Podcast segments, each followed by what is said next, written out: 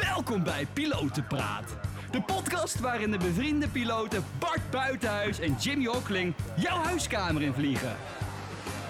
Misschien vraag je het jezelf al af. Wat gebeurt er eigenlijk daar in die cockpit? En daarbuiten? Je hoort het in Pilotenpraat.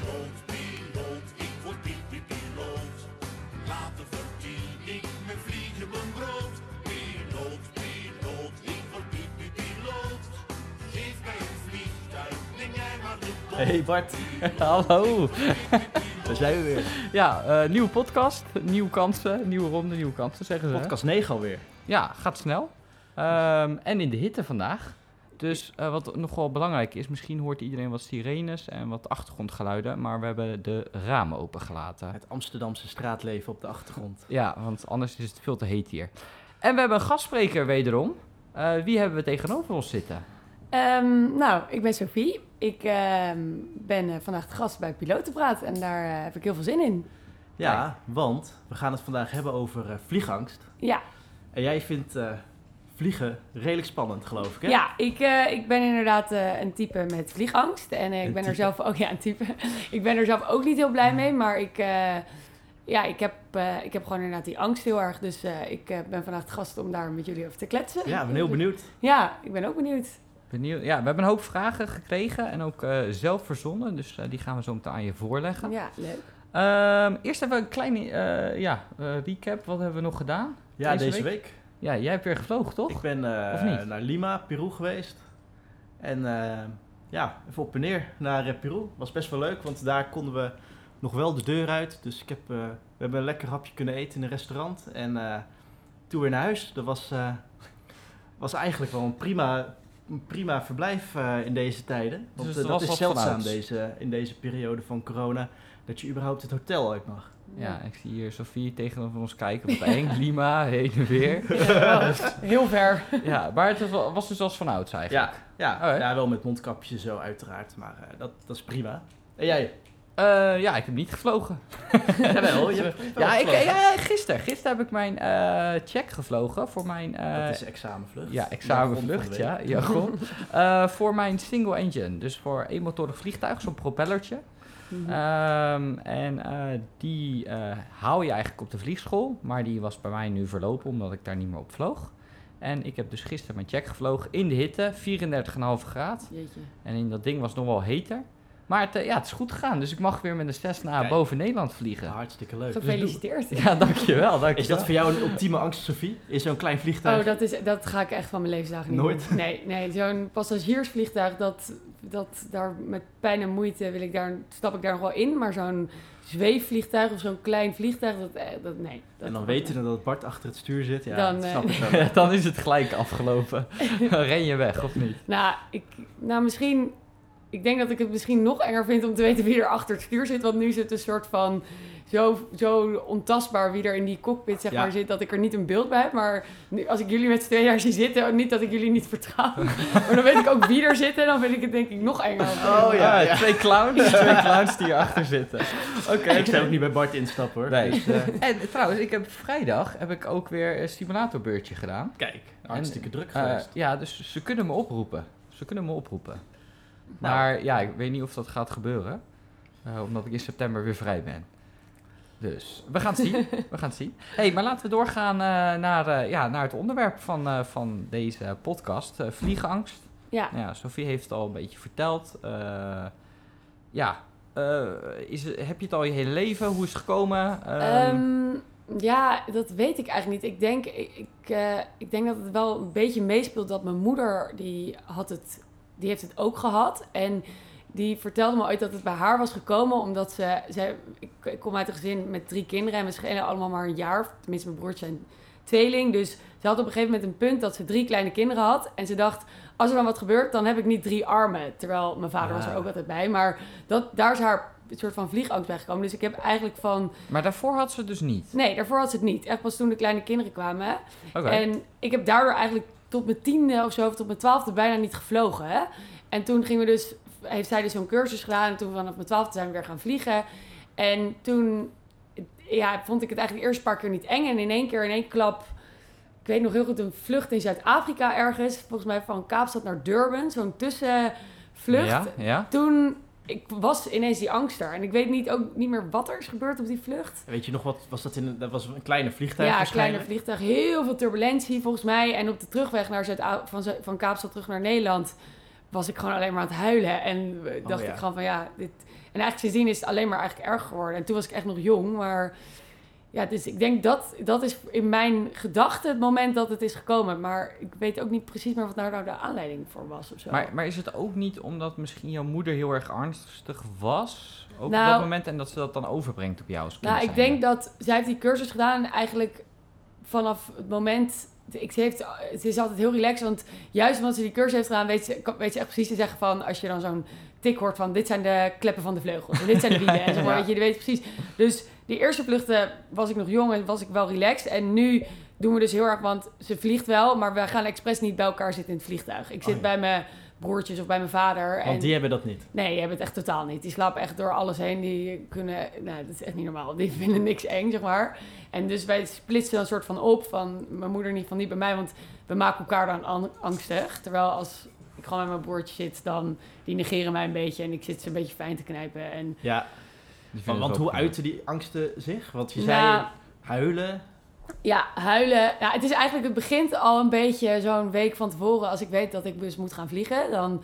Voel ik al af en toe zo'n soort van spanningsstroom door mijn lichaam. Met die van dat er zo'n gedachte door je hoofd zit van... Oh shit, ik moet dat vliegtuig weer in. Ja. Het begint al echt zo ver van Ja, tevoren het begint echt een week van tevoren. Maar dan wel momenten. Dus het is niet dat ik er de hele dag mee bezig ben. Maar wel even zo'n gevoel alsof je soms zo op zo'n klif staat of zo... naar beneden kijkt en denkt van zo'n onderbuikgevoel van... Oh god, dit is niet prettig.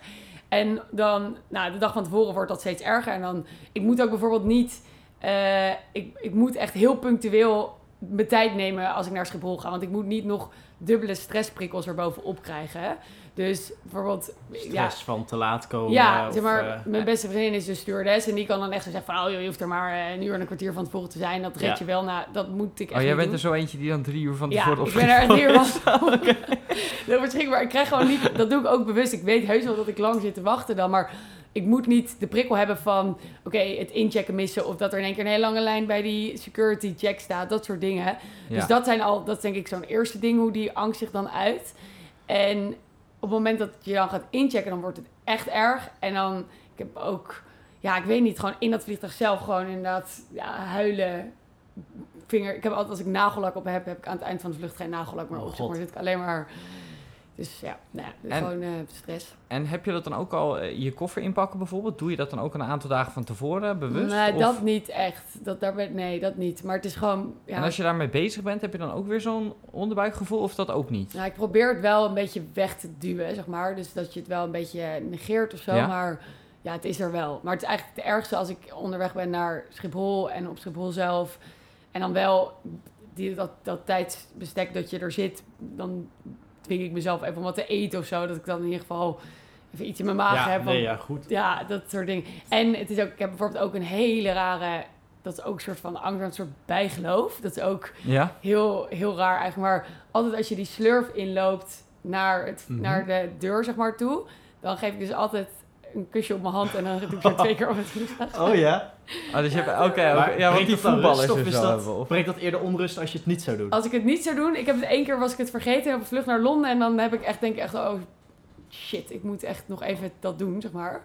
Dat kan dan niet meer en dan gaat het ook wel goed. Heb Maar je geluk dat de vlucht naar Londen was, dat het kort Ja, vliegen kort, is en niet inderdaad. naar, eh naar Zuid-Afrika. Maar doe je het dan achteraf nog? Of dan ook niet Nee, meer? maar wat ik dus ook doe, dat is ook eigenlijk super hypocriet. Maar ik ben helemaal niet gelovig opgevoed of zo. Dus ik ben Ja. helemaal geen geloofsovertuiging. Maar altijd voordat we gaan taxiën, sla ik gewoon even een kruisje. Dus dat- Baat Ja, het niet, schaadt het niet. ja, dat inderdaad. Ik denk er gewoon even van, oh please, laat het goed gaan. En terwijl ik echt inderdaad helemaal niet de geloofsovertuiging heb of zo. Dus het is eigenlijk een beetje hypocriet Maar- dat ik dat dan doe. Maar dat is, dat is toch ook met die tennissers? Eh Rafael Nadal, die heeft Ja. ook, die gaat dan aan zijn shirt plukken Ja, en dan drie keer die bal stuiteren. Ja, van en die dan, rituelen. ja. Ja. maar dat, dat heb jij dus ook een beetje. Ja, dat- vooral dat- gaat. Ik besef me ook wel, ik schaam me altijd een beetje. Ja, want Ja, er nee, nee, piloten en stewardessen staan dan bij die ingang. En dan dat ik dan zo, zo en dan twee keer zo over dat vliegtuig aaien. Alsof het een soort van, van kom maar jongen. Maar kijk, kijk ze je dan ook raar aan of Ja, hebben ze het dan- vaak niet door? Soms als iemand het ziet, zeg ik sorry, ik heb een beetje vliegangst. En dan zegt ze, oh nou, begrijpelijk. Maar weet je, Maar dat- geef je dat altijd aan? Of, eh, nou, mm, niet per se bij korte vluchten, maar ze hebben het wel vaak snel door. Omdat ik dan Ja. dus zo echt paniekerig om me heen zit Ja. te kijken. Maar bijvoorbeeld lange vluchten, als ik dat al doe, dan, dan geef ik het eigenlijk wel even aan. Want ze zijn dan wel echt, die stewardessen zijn zo lief. Die komen echt drie keer checken of alles goed gaat. En Ik denk dat dat ook wel verstandig is als je vliegangst hebt, om dat van tevoren aan te geven. ja, Want eh, ja, dan, dan, dan heb je in ieder geval een, een buddy ja, die je eh, daarin kan begeleiden. En als het spannend wordt, dingen uit kan leggen. ja. Eh, ja, dat, dat is denk ik wel een goeie. Ja, ja, die zijn gewoon, die, met, bijvoorbeeld als er turbulentie is, dan komen ze echt naar je toe van, komt allemaal goed, het is niks. eh, er is nog nooit een vliegtuig neergestort van turbulentie. Die krijg je hebt het riedeltje ken je inmiddels. Ja. De allerveiligste manier van reizen, maar het is gewoon, ja, nou ja, goed. Maar gaat het er dan, helpt dat? Nee, Nee. Nee. nee, dat kan echt iedereen honderd keer tegen me zeggen. En ik weet het, ik, nou, wat ik net al zei, vriendinnen die stewardessen zijn, het, het blijft niet hangen, zeg maar. Maar, maar wat is dan eh, eh, tegenovergesteld? Wat is nou het slechtste wat iemand kan zeggen voordat jij een vliegtuig instapt of als je in het vliegtuig zit? nou, ik heb wel eens gehad dat podcast we... luisteren. ja, bijvoorbeeld. Nou, ik, ik, heb wel, ik heb wel eens gehad dat, eh, ehm, dat er dan voordat we het vliegtuig, of dat voordat we gingen opstijgen, dat er dan net een eh, nieuws of een krantenbericht kwam dat er een vliegtuig was neergestort ergens. Oh, en dat, dan zit je echt. En wat ik dus ook keer heb ge- gehad, dat is ook echt eigenlijk heel bizar, maar zaten we in het vliegtuig en toen zei een stewardess, denk ik, of een steward zei, ik dacht toen dat het de piloot was, maar die riep door de intercom. Dames en heren, we hebben een probleem. En dan zit ik echt zo gewoon. En toen was het Ja. met het wisselgeld. En toen dacht ik echt, oh, maar dat soort dingen, dat, is echt, dat, kan je, gewoon- dat kan je gewoon niet maken. Dan word ik echt gewoon boos van, hoe kan je dat nou zeggen? Ja. door de roof. Ja. Maar, maar je zegt dus, dus je bent heel van het knijpen, maar ben je ook aan het zweten bijvoorbeeld? Of eh, Ehm, dat die hele stoel zeiknat is nou, bijvoorbeeld? dat denk of ik dat niet echt, Of, maar dat heb ik of gelukkig nog sowieso. andere lichamelijke ongemakken? Nou, ik, nou, nee, ja, huilen, inderdaad Ja. heel erg knijpen. En ik moet altijd vooral met opstijgen. Dat vind ik namelijk echt het ergste moment als, dat, als, die, als, je, als, jullie dan, als jullie dan gas gaan geven. Ja, ja, ja. Dat je- Die wielen dan van de grond komen, dat je dan zo achter je stoel wordt gedrukt. Dat, oh, dan verberg ik eigenlijk wel altijd mijn hoofd soort van in degene die naast me zit. En dan Ah. zit ik gewoon alleen maar van, oké, alsjeblieft, laat het goed gaan, laat het goed gaan. En als je dan een bocht maakt, weet je, dat soort dingen, dan zit ik alleen maar, dan ga ik een beetje spartelen. Zeg maar, een beetje van, oh god, god. Ja. het- Maar wat, wat is dan die angst? Is dat eh, angst voor het onbekende? Dat je niet weet wat er gebeurt in zo'n vliegtuig? Of, ja.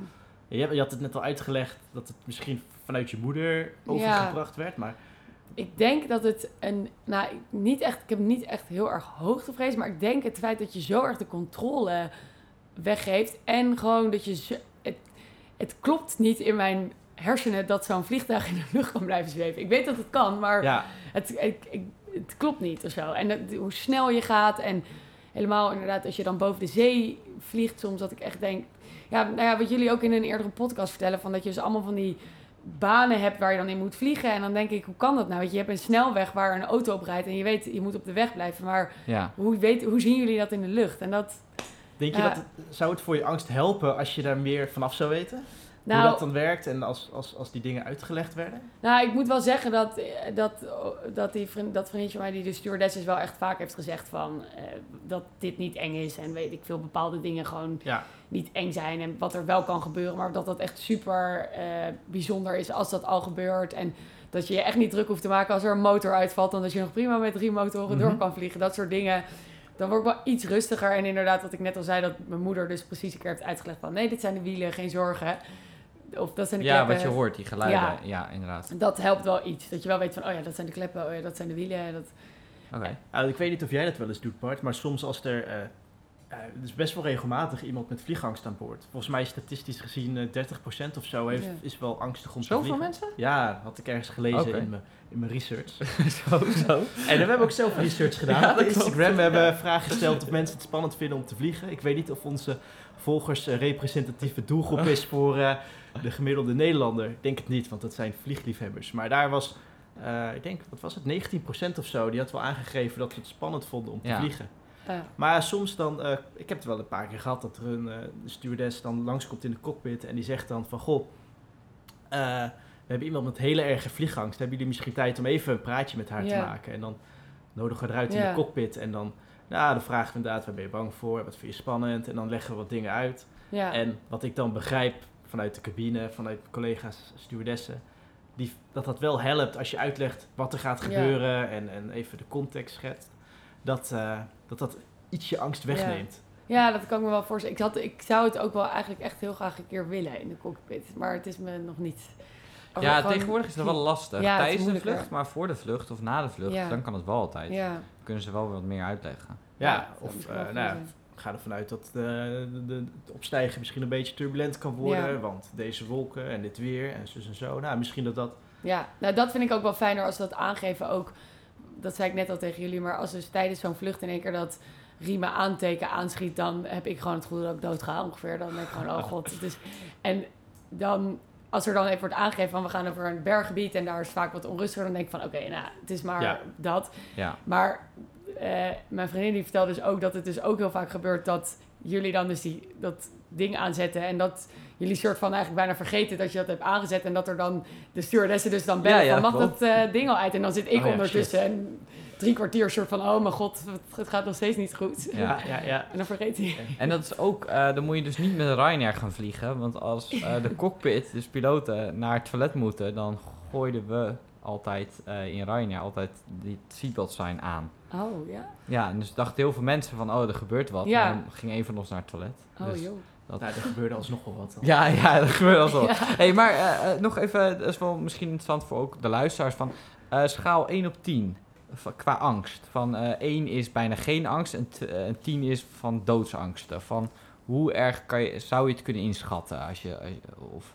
nou ik, dat, het heeft gewoon verschillende momenten op de vluchten hebben een verschillend cijfer zeg maar dus ja, opstijgen echt 100% een 10. Dat is Ja, echt, vind ik ja. echt het allerergste.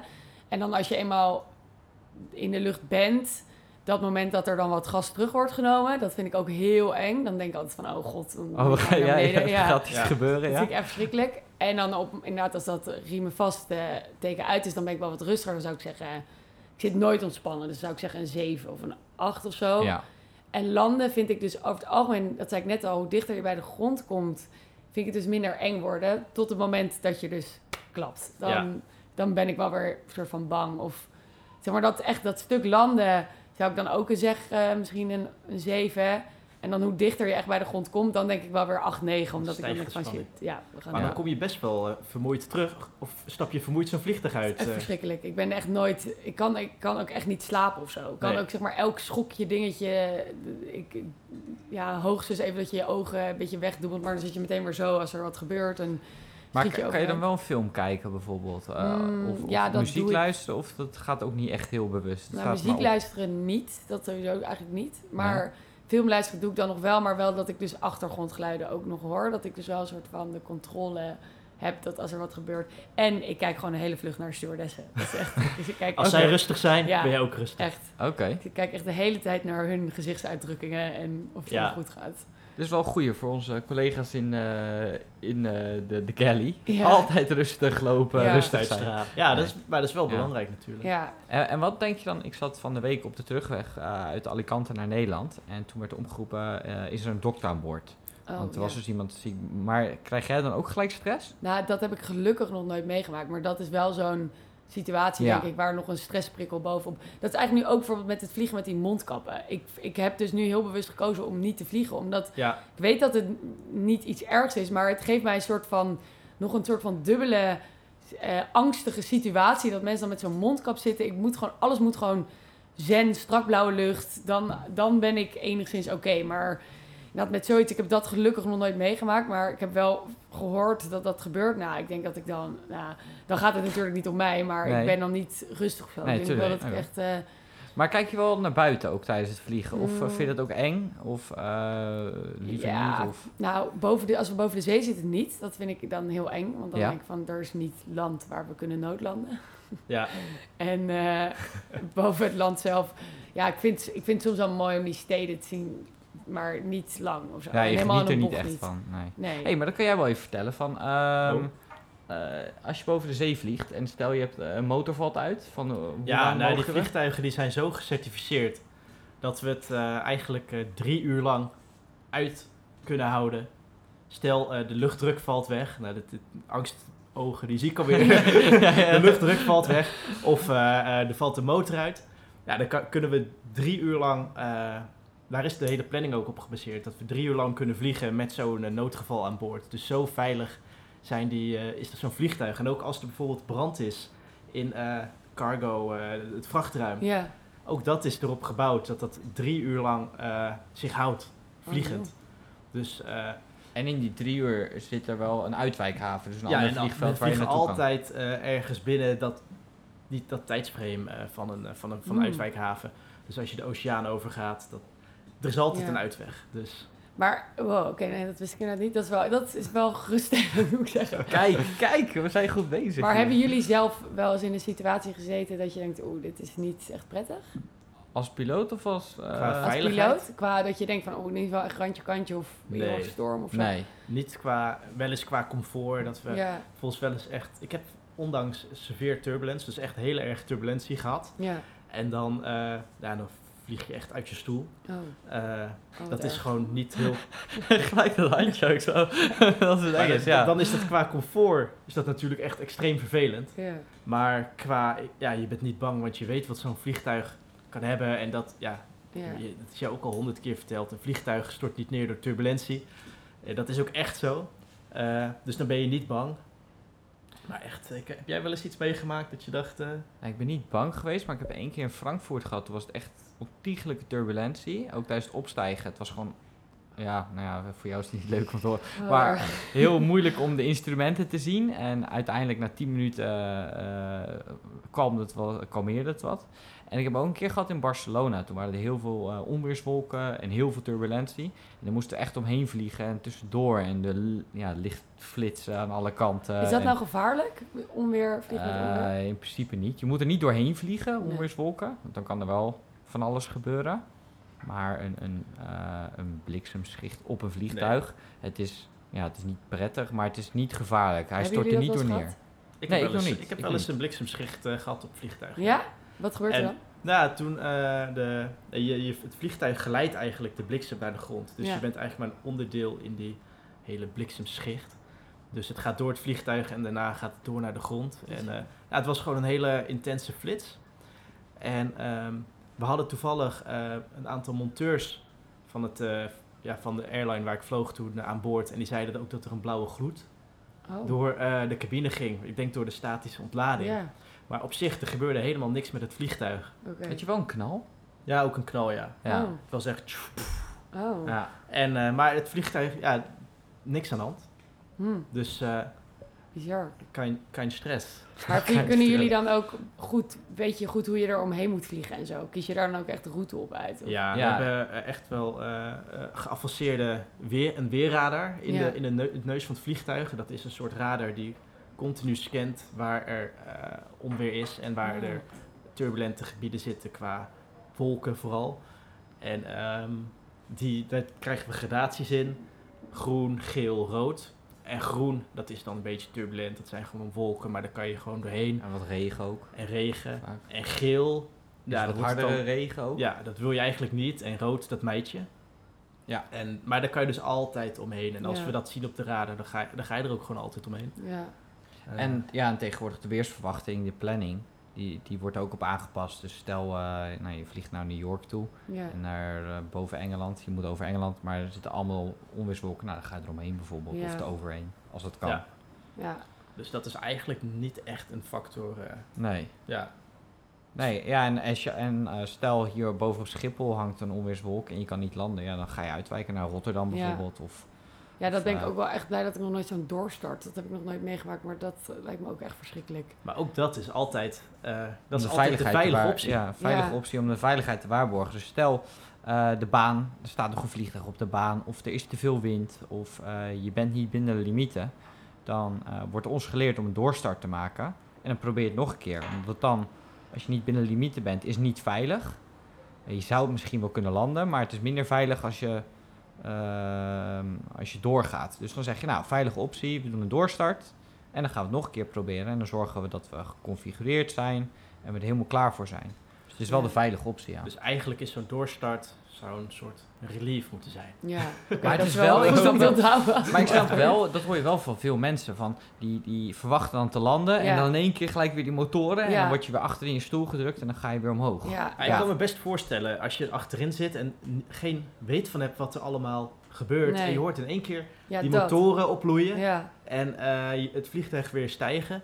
En eh, ja, dan zijn wij heel druk in de, in de cockpit. Ja. Dus dan duurt het even voordat wij een praatje maken ja. En vertellen wat er aan de hand Ja. is. Dus dan kan ik me wel voorstellen dat dat, weer, dat, dat het extra stress... eh, Ja, ik denk dat dat het inderdaad is, dat het dus... Dat onwetendheid. Dat gewoon niet weten wat er aan die voorkant gebeurt. Misschien Ja, als ik er zelf zou zitten als piloot, dan vind ik het misschien wel helemaal niet meer zo eng. Omdat je precies weet van, oké, dit knopje is dit, dat doet dat. Maar het Ja. is gewoon die niet weten wat er gebeurt daarvoor. Dat Maar heb je ook- eh, andere angsten dan? In, weet ik als je op een boot bent en niet weet wat er gebeurt. Of in een lift. Of, In de Ja. trein. Nou, lift vind ik inderdaad, ik heb ook wel een beetje claustrofobie. Ik heb, dus dat is misschien wel ook, eh, ja. dat, dat is misschien ook wel dat je in zo'n kist dan, ja, dat, dat je wel opgesloten zit in de lucht, zeg maar. ja, ja, ja. Maar ik denk niet dat... Nee, trein totaal niet. En ja, boot vind ik niet zo chill. Maar dat is meer omdat ik zeeziek ben. Maar verder niet. Ja. Ja, nee. Het is echt inderdaad dat vliegtuig. En je Hoogte. zei van, eh, in, bijvoorbeeld in deze periode kies je er bewust voor om niet te vliegen Ja. met die mondkapjes op. Maar heeft het je vroeger ook wel eens tegengehouden om bijvoorbeeld een bepaalde reis niet te maken? Of dat niet? Nou, ehm, nee. Dat, tenminste, ik, ik, vind het, het, ik vind ook het reizen en zo wel heel leuk. En gewoon vooral... Nou, het is bij mijn familie altijd eigenlijk zo dat op het moment dat we niet hoeven te vliegen, gaan we dus rijden. Dat komt al door mijn moeder en ja. Ja. Daar speel ik ook wel een rol in. Maar ik vind het het ook niet waard om bepaalde tripjes niet te maken en niet Nee. naar bepaalde landen niet te zien voor die vlucht. Maar het is, ik, ben, ik weet wel dan van oké, dat wordt wel een uur of eh, tien. Nou ja, ik zei het net al tegen jou van, dan heb ik het gevoel dat ik wel even tien uur lang de dood in de ogen kijk. Dat het heel dichtbij is. Soort Ja, van. ja, ja. En dat is natuurlijk enerzijds misschien heel overdreven. Ik kan me voorstellen dat mensen denken, jezus, wat overdreven. Maar zo voelt het gewoon wel. Ik ben, ik ben tien uur lang echt dan niet relaxed. ja. Dus ik heb niet dat ik er dingen voor laat. Maar als, het, als er een alternatief is, dan, dan doe ik het wel echt anders.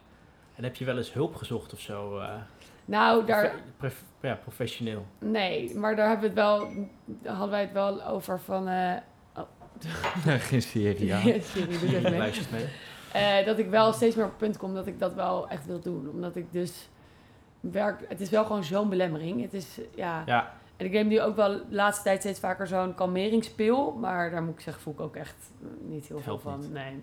Wat is dat dan? Melatonine? Nee, nee, dat is. Ik, heb, ik kreeg hem ook van een jongen die toevallig ook. Toen naar, ik was naar Amerika laatst en die had toen ook die Ah, Oké, pillen. ja. En dat, en toen heb ik dat voor het eerst genomen en dat heb ik daar nog één keer genomen. Hoe heet het nou? Iets met de V, denk ik. Geen idee. Nee, En kan je ook niet, ik weet niet, hè, maar kan je niet... nee ja. Valium. nou, het is misschien toch? wel echt. Dat geeft ze toch al paarden? ja Volgens idee. mij geeft dat de ja. paarden, Volgens ja. mij, eh, het Om zou paarden kunnen hoor. Ja, Maar, het. Eh, en als je naar de huisarts gaat, kunnen je die wat voorschrijven of nou, die helemaal niet? schrijven dan die kalmeringspil. Oké, die En geven, oké, die moest schrijven van het hem beginnen ooit met Val Despair. Ik weet niet of jullie dat kennen. Dat is Geen homeopaat. ja, een soort homeopaat. Zei die begin daar maar mee, maar dat werkte echt voor geen klap. Dat was echt. En een kamillethee? Ja, dat was ook lekker dat erbij. dat je rustig wordt, kamillethee? Nee, dat, dat werkte echt niet. En toen kreeg ik van die jongen zo'n pil. En toen heb ik wel iets langer geslapen. Maar het was ook een nachtvlucht. Dus ik was ook Ja. wel echt heel gaar. Maar nee, het is... Nee, nee. Maar er zijn ook, eh, ja, wat je zegt, een aantal eh, professionele instanties Ja. die eh, je daarin begeleiden met cursusdagen en zo. Stichting Valk is Ja, volgens mij klopt. de meest toonaangevende. Oh, die Ja. heeft je moeder Ja. gedaan. Ja. En heeft dat geholpen? ja, bij haar dus wel. Want zij is wel weer gaan vliegen. Maar ze is nog Ah, steeds top. wel angstig. Ja, En zij, zij, zij zegt nu ook wel tegen mij van... Ga het nou maar gewoon doen. Dan, je, het moet gewoon een keer... Je moet er een keer vanaf komen. ja, want dan nemen ze je mee Ja. eh, ja, op zo'n cursus. Ja. En ehm, onbezorgd vliegen heb je ook. Volgens mij gaan die zelfs een keer dan ergens in die cursus een vluchtje maken. Ja, klopt. Dat doe je met Valk ook. Oh ja? Ja, heen en weer ga je dan... Ja, Nou, daar haakte ik dus al in eerste instantie op af. Want ik dacht, moet ik onnodig in zo'n vliegtuig voor... Terwijl het helpt je wel, maar het idee dat je dan dus eindigt met een heen en weer vlucht, zeg maar. ja. Zij moest naar Milaan heen en weer. Maar ja, nou, ik, ik Ook weet ook... over de bergen naar Milaan. Maar ja, Ja. dat krijg je het allemaal mee. krijg je meteen... eh, Ja. Maar ik denk ook gewoon, al die feiten en dingen die ze, die ze je vertellen, die weet ik allemaal wel. En ik geloof ook echt wel dat het een veilige manier van Ja. reizen is. En ik bedoel, als ik jullie hier zo zie zitten, dan denk ik echt wel van... Ja, ik geloof echt wel dat jullie dat ding goed kunnen besturen. Maar Toch wel, toch En- wel een beetje ja, vertrouwen. ik, ik heb vertrouwen in jullie. Maar het is gewoon die, dat onderbuikgevoel dat...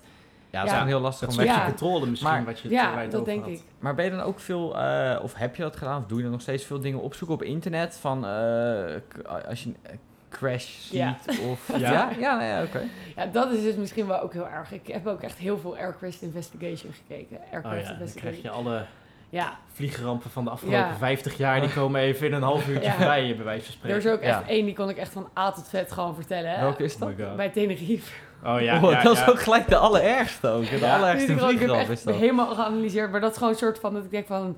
Dan wil ik zo graag weten hoe dit mis kan gaan. En Ja. toen ook een keer bij, zo'n bij dat programma was er een keer dat er een vliegje in een of ander buisje aan de zijkant van het vliegtuig was komen te zitten of zo. En daardoor was er een soort verstopping waardoor de Ja, hoogtemeters het niet goed deden. Nou, dat soort dingen, dan draai je natuurlijk Ja, je, zelf let wel, je let wel op. de Ja. Pitobuis. Ja, de Pito, hè? Maar Knap. Dat soort dingen, dat is echt... Maar vind, vind je het dan ook wel interessant als je het opzoekt? Of, eh, of Ja, het is echt denk puur om je angst minder te maken? Nee, ik of- vind het dus ook wel heel interessant. Dat is dus ook een beetje, het is een beetje een rare... spanningsveld. Ja, omdat ik het denk ik zo eng vind, vind ik het dus een soort van dat ik denk van, wil ik weten hoe dat dan heeft kunnen gebeuren. Hoe zo'n vliegtuig nou kan neerstorten. Ja, Of bijvoorbeeld dat vliegtuig dat toen landde in het weiland van Turkish Airlines Oh een paar jaar ja, geleden. Dat soort dingen. Dan denk ik van, hoe kan het nou? Je hebt toch, alles is toch zo geautomatiseerd en waarom mis je dan een landingsbaan? ja, Dat, dat kan ik dan met mijn hoofd niet. En dan ga ik uitzoeken van, oké, ligt dat... En dan vervolgens wil ik ook weer heel lang niet met die maatschappij vliegen. Ja. Dus dat is ook... ja, pik jij of kies jij je maatschappij eh Ja. eh, kieskeurig? ja, zeker. Ik, vlieg, ik wil eigenlijk alleen maar met KLM Ja, dus En binnenland vind ik Transavia nog wel oké. Maar echt eh, al die... binnen Europa. Ja, binnen Europa en Ja. dan gewoon die kleine... Maar ja, sorry, bin- binnen Europa natuurlijk. Maar sowieso ga ik niet naar die Spaanse maatschappij allemaal, want dan versta ik de helft niet. Dus dat vind ik al heel irritant als we gaan Ja. praten, want dan krijg ik al nog meer stress. Ja. En Een low-cost carrier als Ryanair of EasyJet. nee, dat vind ik allemaal te... Ja, nee, dat kan niet aan. Dat geeft me al te veel stress, omdat je dus...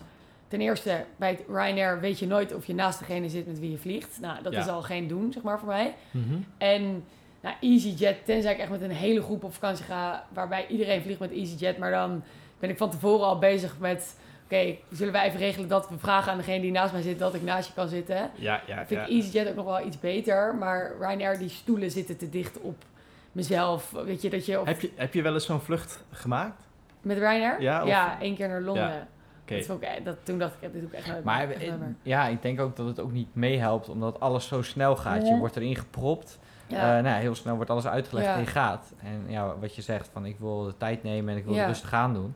ja, dan en dus... gaat je stressniveau nog een stapje hoger natuurlijk. Ja, en dus inderdaad, wat, dat vind ik dus heel fijn aan KLM. Dat je dus, die stewardessen zijn allemaal zo lief. Tenminste, ik weet niet hoe dat daar is, maar wat ik net al vertelde, Ja. dat ik had een keer zo'n vlucht en dan weet ze dat je bang bent. En dan krijg je dus aan het eind van de vlucht krijg ik zo'n collectors item, zo'n huisje van super lief. Ja, dat, beloning. ja, het is wel ja, en een kaartje van we zijn heel trots op je dat je het hebt gedaan. Want zij kregen tijdens de vlucht er lucht van dat ik dus bang Ja. was. En dat is zoveel persoonlijker. En dan weet je ook van oké, ze weten dat je daar zit. Ze weten dat je Ja. bang bent. Ze komen naar je toe om te vertellen dat het goed gaat. En niet om die andere maatschappijen af te kraken of zo. Totaal niet. Maar het is daar wat meer machinewerk of zo. Het is Ja. inderdaad snel, snel, snel. En dat... eh, Dus Ja. de persoonlijke aandacht helpt wel. ja, dat helpt enorm. En ik, niet, ik kan me voorstellen, het is natuurlijk super goedkoop vliegen eh, met bepaalde van die maatschappijen. Mhm. Dus ik kan me voorstellen dat andere mensen die niet bang zijn dat echt prima vinden. Maar Jij geeft er liever wat meer ja, geld aan geef- uit? Ja, Nou, nou, onthoud service. hè, wie er Ja. voor KLM meeluistert. Ja. blijf doen wat je moet doen, Hey, maar dat is wel een leuk bruggetje naar eh, volgende, het volgende item. Naar onzin van de week. Zullen we, zullen we meteen doorpakken? Ja, prima. Mind your step. Mind your step. Ja, onzin van de week. Ja, vertel. Wat, eh, vliegen is gevaarlijk. Is dat zo? Weet niet, Kijk wat denk even naar jij? de overkant. eh. ja, ik Sophie? vind van wel, maar Oké. ik weet er niet alle fijne kneepjes van het vak natuurlijk. Nee, dus Jimmy gaat jou nu uitleggen aan de hand Nou, van eh, zijn luister. research en zijn eigen Nee, maar research en jij- bevindingen. Ga jij nu vertellen Maar dat volgens mij, Sofie, als jij... eh, de, de statistieken ken je wel. Dat, dat het autorijden gevaarlijker Ja. is, toch? Zo. Dat, dat, Ja. als je, dat, dat wordt je dan ook wel verteld, denk ik. Als Ja, je aangeeft dat echt, je eh, vliegangst hebt. Ja, daar word ik inderdaad echt mee, eh, mee plat gegooid. Maar, Maar, helpt dat? nee, het heeft echt helemaal geen zak. Nee? Ja, het is wel zo, want... eh, ja, als, ik heb het even opgezocht. het zijn statistieken van ICAO. Dat is dan de overkoepelende luchtvaartorganisatie van de wereld. En ehm, in 2019 zijn er 239 eh, dodelijke... Of fatalities, dus eh dode gevallen binnen de luchtvaart. Eh, terwijl er ongeveer in het verkeer jaarlijks 1,25 miljoen mensen overlijden. Dus dat verschil tussen vliegen en eh, motor, fiets, weg, op de weg lopen of met Zelfs de auto. wandelaars, toch? Zit erbij of niet? Zelfs wandelaars. Ja? Ja. Ja, dat is wel echt. eh, dat Ja, toont wel aan dat vliegen me- mega veilig is eigenlijk. Ja. Dat, Maar- ja. Als er wat gebeurt, dan is het natuurlijk wel eh, groot nieuws. Want als er een vliegtuig neerstort, dan staat het meteen in de krant natuurlijk. En eh, dat is ook sensatie voor de krant. Dus, ehm, en als er iemand overlijdt op een, eh, op een kruispunt, ja, misschien het lokale suffertje die er wat over schrijft. ja, maar het staat niet met chocoladeletters op de, in de Telegraaf dat er in, eh in Heerenveen eh, iemand op het eh, kruispunt is aangereden. Nou, weet je wat ik ook denk? Ik denk dat het dan Ja. ook vaak is dat het één persoon is. En nu, zijn, nu is het altijd meteen Ja, dat is meestal heel 170 en vliegtuig, hè? 300 mensen. Dat is het, denk ik. Je weet zo bijna zeker dat op het moment dat je neerstort, dat je dus komt te overlijden. En dat is ook een hele grote angst, denk ik. Op de weg. Voor jou zelf ook of gewoon voor in het algemeen bedoel Ik denk dat veel mensen met vliegangst dat die angst hebben. Van als het misgaat, dan is het 9 van 10 keer ook goed mis. En Ja. op een, als je een ongeluk krijgt op de autoweg, ja, dan kom je er misschien heel zwaar gewond uit, maar misschien ook zonder kleerscheuren. Dus de, ka- de kans op overleven is kleiner. Op het moment dat er wat gebeurt. Ja. Dat is het denk ik heel erg. Dan, en dat is ook die angst waarom als er dus iets gebeurt, of een beetje turbulentie, dat, dat je dan dus zo gespannen zit van, oh, als dit maar goed gaat. Nu gaat het gebeuren. Ja. Maar het zijn fijne statistieken. Ja, maar ik denk ook, ik denk dat ook, ja, eh, misschien eh, lullig gezegd, maar het is voor een krant natuurlijk sensationeel om te schrijven dat er een vliegtuig is neergestort. Dan wat je zegt, dat er iemand is Ja. overleden op, de, op de rotonde. ja. En het is een beetje die sensatie. En dat het dan heel groot met nieuw, grote nieuwskoppen op de voorpagina van de, van de krant staat van eh, een vliegtuig neergestort. Ja. En toch ook, ja, vliegen is toch wel een soort sensatie, eh, apart, an, ja, anders iets. Ja, volgens eh, Stichting Valk, Ja? dat is de, die, die eh, stichting ja? die dus eh, eh, vliegangst helpt, verhelpt, eh, is de kans op een dodelijk ongeluk in een Nederlands verkeersvliegtuig 1 op de 6,25 miljoen. Zo klein. dat is echt, dat is echt Ja. niks inderdaad. Dus ja, ik- ergens snap ik de angst, maar het is wel een irreële angst, denk ik. Ja. En we zijn goed opgeleid. We doen altijd ons, eh, ons beroep. We zijn verantwoordelijk. Ook al zitten we hier het, eh, bij soms af en toe Ja, een beetje jood te touwen. doen. eh, we Ja. zijn wel serieus met ons vak bezig natuurlijk. Ja, inderdaad. Dus, eh, Dus- onzin van de week. Is Ja. vliegen gevaarlijk? Bart? Nee. Sophie? Je mag niet. je eigen antwoord geven. Nou, nou ik, ik, ik weet, het is misschien niet gevaarlijk, maar zo voelt het niet altijd. Nee, Oké. ja, precies. Snap ik. En Jimmy? Nee, ja, ik denk het niet. Behalve als jij aan de stuurknuppel zit. Ja, inderdaad. Gaan we weer, hè? Nee, Mijn bestje. Nee, is goed. Prima, is deze afgesloten. Good afternoon. This is your captain speaking. Ja, gaan we door met eh, jargon van de week. We hebben weer een eh, mooi jargonwoord eh, eh, gevonden. Ja, het vakjargon. CB. Of eh, zoals de kenners het zeggen, een Charlie Bravo. Nooit van gehoord. Wie zit hier al aan te kijken? Wat is En, dit nou weer? Cumulonimbus, heb je daar wel eens van gehoord? Een col... col hoe? Probeer het uit te spreken. Het staat voor je. Cumulonimbus? Cumulonimbus. Culomonimbus. Cumulo... Nou, nee. Nou, Nee, eh, ja, het is een wolk. Het is een wolk. het is eh, eigenlijk een, eh, een soort grote stapelwolk, zo'n onweerswolk. Die je, nou, nu is het ook extreem warm weer. En aan het einde van de dag zie je vaak die, eh, die wolken ontstaan. En dat zijn dan eh, CB's of uh, culonon, of zo. nu Is dit hetzelfde? Een Charlie Ja. Bravo en een Ja, ja, ja, dat is gewoon een afkorting, ja. Ja, dat is de afkorting. Ja, voor- CB. Oh ja. Cumulonimbus. Ook wij vinden dat Ja. lastig uitspreken. Morgen, morgen eh, eh, s- verwachten ze einde van de dag eh, onweerswolken. Oh, blij dat ik dat vliegtuig in. Nee, nee. Dus als jij dan morgen naar buiten kijkt, dan Ja. weet je... Hé, die grote wolk die er nu aankomt, is een Dan cumulonimbus. denk ik, Ja, arme want- mensen. Ja, wat gebeurt er dan? Eh, Ons de zon die warmt de, de grond op. Oké, en- technisch verhaal. Ja, ik zal het Ja. even technisch uitleggen. Hier- Als, als het warm weer is, dan warmt de zon de, de, de grond op, of de zee. En eh, die grond, die eh, warmt vervolgens weer de lucht wat er boven ligt op. Dan gaat de telefoon. Ja, klopt. En eh, door die, doordat die lucht warm wordt, stijgt die lucht op. Nou, die lucht stijgt op, stijgt op, stijgt op. Dan koelt het weer af. En eh, dan gaat het dus condenseren. Dan krijg je van die water... De vocht dat, dat wordt van die waterdruppeltjes, waardoor het een, eh, een wolk vormt. Zeevlam. Een zeevlam. Ja, het klinkt als zeevlam. Vertel. Dat is eigenlijk precies wat jij nu uitlegt, maar dan inderdaad vanaf de zee. Dus dat er dan een soort van in één keer hele heftige mist optrekt vanuit de zee. Ja. Een soort van hele donkere wolk zo. Dat is altijd bij de kust. Ja, Ja, ja, ja. ja, ja. Waar, daar ben ik opgegroeid. En dan, in één keer zo'n zeevlam. Ja, dat is Heet dat hetzelfde. zeevlam? Dat wist ik helemaal Hetzelfde niet. Ja. principe hebben wij ook weer wat Klinkt als geleerd, eh, zeevlam, nieuw- zoals jullie het Ja, uitleggen. ja nou Maar- ja, hetzelfde principe. En door Maar die dit kunnen echt dan hele grote eh, stapelwolken worden, tot echt wel eh, tientallen kilometers hoog. En eh, daar zit dan zoveel opwaartse lucht in, dat, dat, dat zijn dus die rode puntjes op de weerradar Ja. eh, waar we dan eh, omheen vliegen, omdat we daar niet, eh, niet doorheen willen vliegen. nee. Dus eh, nou, volgende keer als je een grote onweerswolk ziet of een stapelwolk, Of en- zeevlam. Dan zeg of je- een zeevlam. Charlie Bravo. Charlie Bravo. Charlie Ja, Bravo. Bravo. Maar zeevlammen is niet zo heel hoog, toch? Nee, is dat blijft wel- Nee, dat is meer mist. Ja, Ja. Dat is dan het verschil. Ja. En wat ook nog wel leuk is om te zeggen, eh, in Europa is het meestal redelijk. eh, de weersomstandigheden zijn niet zo extreem als bijvoorbeeld op de eh, Evenaar of ehm, in Indonesië of Ja. Thailand enzovoort. Dus daar kan het nog erg zijn, nog grotere onweerswolken.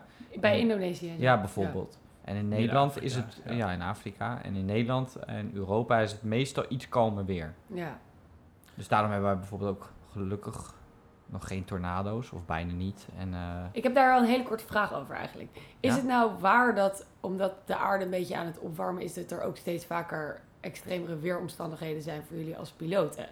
Dus dat je meer turbulentie en dat soort dingen ervaart? Ja, dat durf ik niet. Ja, wij vliegen dan ook weer niet zo lang om dat met tientallen jaren terug te, Nee. te vergelijken. Maar ik denk wel, als je wel zit de afgelopen jaar, zijn er ook in de winter redelijk van die stormen hier in Nederland Ja. eh, geweest.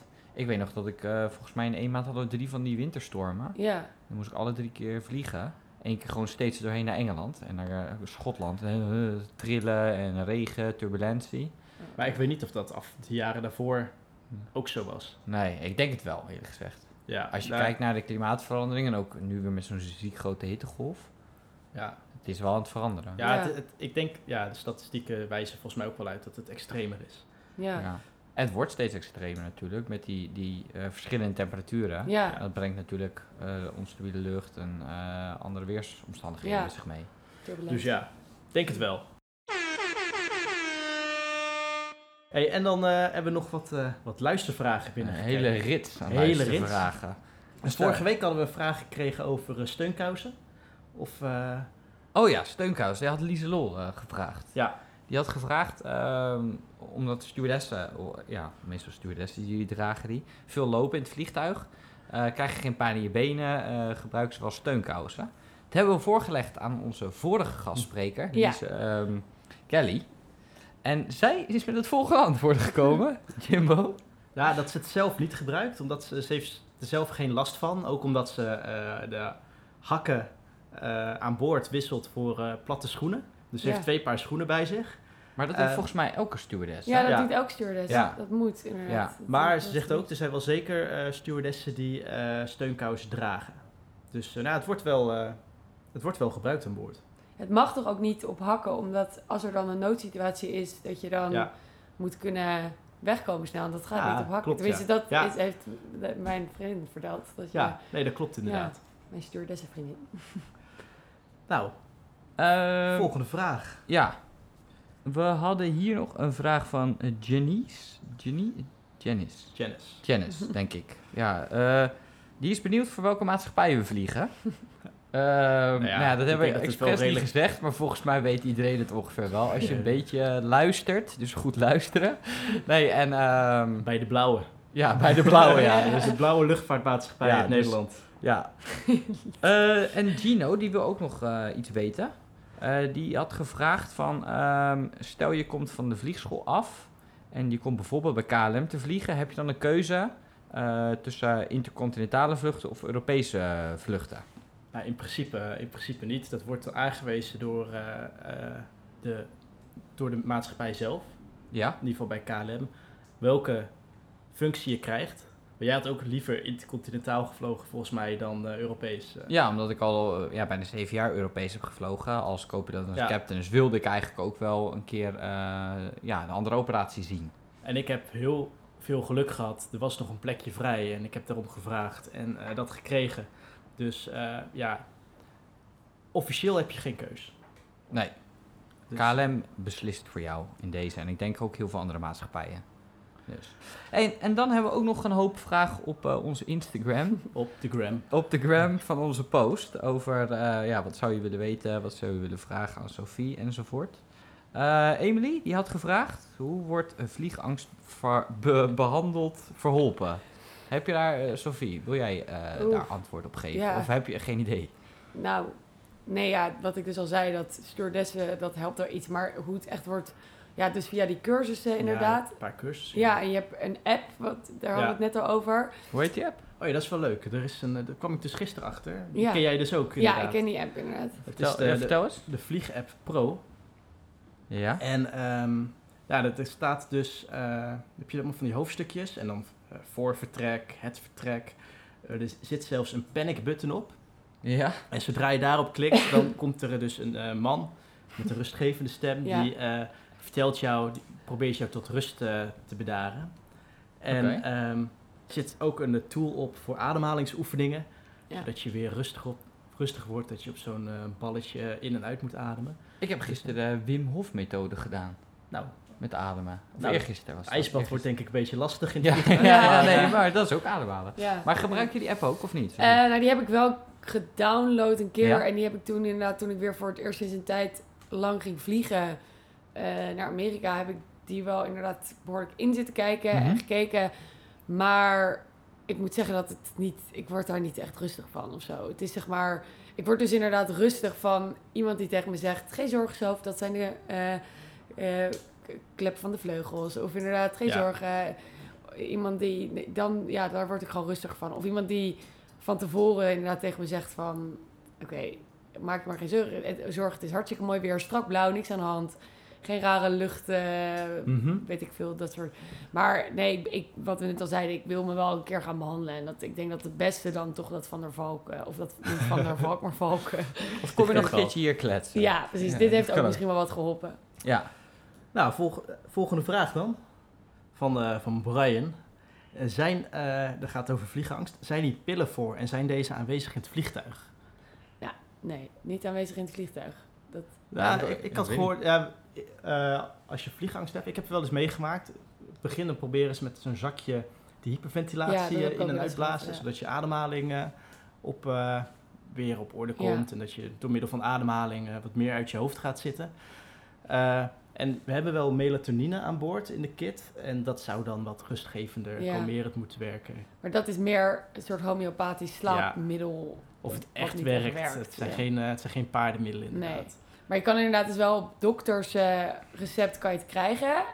En, maar ik heb dus dat heel lang ook niet gedaan. Omdat ik het ook eng vond dat als ik zo'n pil nam... dat ik dan dus ook niet meer helemaal 100% scherp was. Daar was ik heel bang voor. Ja. Dat je wil ook wel, je wil wel rustiger worden... maar je wil ook wel scherp blijven. En ik had heel erg het gevoel dat als ik zo'n pil nam... dat ik een soort van, als er dan wat gebeurde...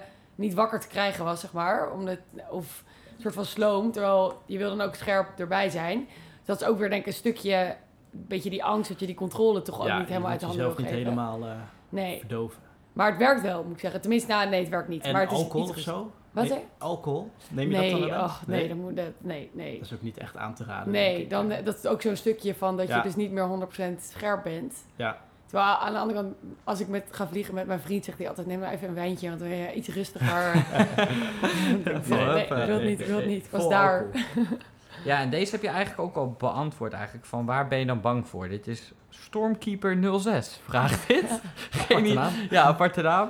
Eh, ja. eh, Waar ben je dan bang voor? Ja, die, Ja. die hebben we denk ik eigenlijk al... eh, ja, wel behandeld. Eigenlijk al behandeld. Ja, toch? Ja, Nou, dan eh, denk ik dat we redelijk door de, door de vragen Heb heen je, zijn. heb je nog vragen aan ons? Ehm, ja, hebben jullie eigenlijk dat ooit door dat er... Nee, dat hebben jullie waarschijnlijk echt niet door. Dat er in die kist zelf dan, of in de, hoe noem je het, passagiersruim echt mensen zitten die heel angstig zijn?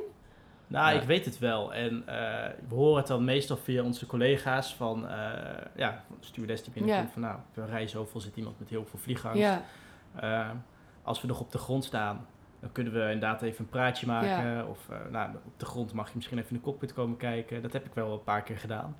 Dus ik weet wel dat het er is. In de vlucht eh, ben, je, ja, ben je daar als piloot niet echt meer mee Nee. bezig. Dat kan me dus... voor- Ja. Dat wil ik vragen van...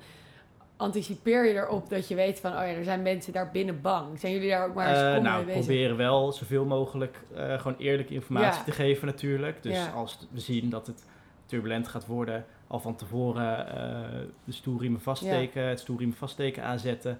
En ehm, dan ook even een praatje houden van, nou, we verwachten dit, zus en zo. Het gaat ongeveer zo lang duren, omdat we, ja, En dan het stoelriemen aanteken vergeten uit te zetten. ja, ja, ja. Dingen, zo ja. Hey, als laatste nog, wat ik ook nog wel... We hadden nog eh, gevraagd van... eh, ben jij wel eens bang in het vliegtuig? Eh, gewoon als poll op Ja. Instagram. En eh, uiteindelijk hebben 33 mensen gezegd nee, nooit. 7 mensen hebben gezegd soms. En alsnog 5 mensen hebben gezegd altijd. Daarvan was ik er één, moet ik ook. ja, Ja, ja, maar dan nog. Oké. Dus er zijn Nou, toch dat- nog wat mensen. Ja. Dat is wel bijna een derde inderdaad. Wel meer dan een derde. Ja. Ja, inderdaad. Toch een derde van, van de mensen die toch Ja. vliegangst heeft. Dus als je dan kijkt naar onze eh, volgers, toch een afspiegeling van de maatschappij. Representatief. Ja. En dan zie ik ook nog hier Lenneke. Eh, ik zou gaan werken als cabin attendant, maar nog even niet door de corona. En die heeft Ja. ook gewoon gezegd van, eh, ik ben nog nooit bang geweest. Ja, Lenneke, we zien Ja. je hopelijk binnenkort wel als collega dan. Ja. Ben die vindt het eh, opstijgen eng. Ja, ja. dat had jij ook, Herkenbaar. Ja. Herkenbaar, ja. Yamuna, die zegt van, eh, bang zijn is nergens voor nodig, jullie willen ook gewoon naar huis. Dat is wel echt zo. Ja, dat is wel zo, Ja, ja. Wij, wij, wij, eh, zitten er ook niet op te wachten om eh, Om een storing Nee. of... te sterven tijdens zo'n vlucht. Maar dan moet ik wel eerlijk zeggen Ja. dat, dat, nog even een laatste afsluiter, maar dat, Ja, ja. dat die stewardessenvriendin van mij wel zei dat jullie daar ook soms wel een beetje op kikken als er dan een spannende situatie is. Wat ik me heel goed kan voorstellen, want het is jullie werk. Dat als je zeg maar, dat het voor jullie soort van spannend is als je inderdaad, wat jullie ook zeiden in die eerste aflevering, dat het zelf landen leuker is dan Ja. op, dat de automatische piloot... Ja, Het is uitdagend. Als Ja, er bijvoorbeeld dat. veel meer wind is, ja, dan is het wel uitdagender. Ja. Leuker. Maar Ja. ik, eh, ik heb ook wel eens gehad dat alle schermen in één keer uitvielen. Oh. En dan, ja, nee, Oh, nee, oh, nu kijk zo weer. Maar het is goed gekomen, ja, we zitten nee, hier het nog. is, nee, het is goed gekomen. En dan heb je allemaal procedures en checklisten voor. Maar dan, dan zit je toch, tuurlijk, het is spannend. Ja. En dan gaat je hart even kloppen. Maar daarna schiet je eh, eigenlijk in die modus van, nou, we gaan het fixen. Ja, Maar zulke soort dingen hoef ik niet altijd mee te maken. je hebt wel de uitspraak, eh, de enjoy the failure. Dus Ja. geniet van, eh, Van wat er gebeurt. ja, Ja. want En- het gebeurt niet zo vaak. Ja. dus. En dit is trouwens ook wel eh, leuk. Hè? Eh, Harm die zegt iets meer uitgeven voor een goede airline. Dat zei je net ook. Van, Ja. eh, ik vlieg liever Ja. met KLM en geef, eh, geef wat meer geld uit 100 dan, procent. Ja. dan bijvoorbeeld met een eh Ryanair. Ja, ja, zeker. Ook gewoon al überhaupt omdat je bij KLM ook zeker weet dat je koffer mee kan, zeg maar. En dat heb je altijd het gezeik ook nog. Ja. Maar dat is los van de vliegangst, dat is een ander irritatiepuntje. ja. En dan als laatste hebben we ook nog Nou, een Brian. broertje die, Ja. eh, Jimmy's broertje, die, die is zegt... bang eh, omdat, ma- omdat ik achter de stuurknuppel kan zitten. Ja, ja, ja, goed vertrouwen. Ja, wat vertrouwen. ja, dat zijn de broertjes. Ja. Dus.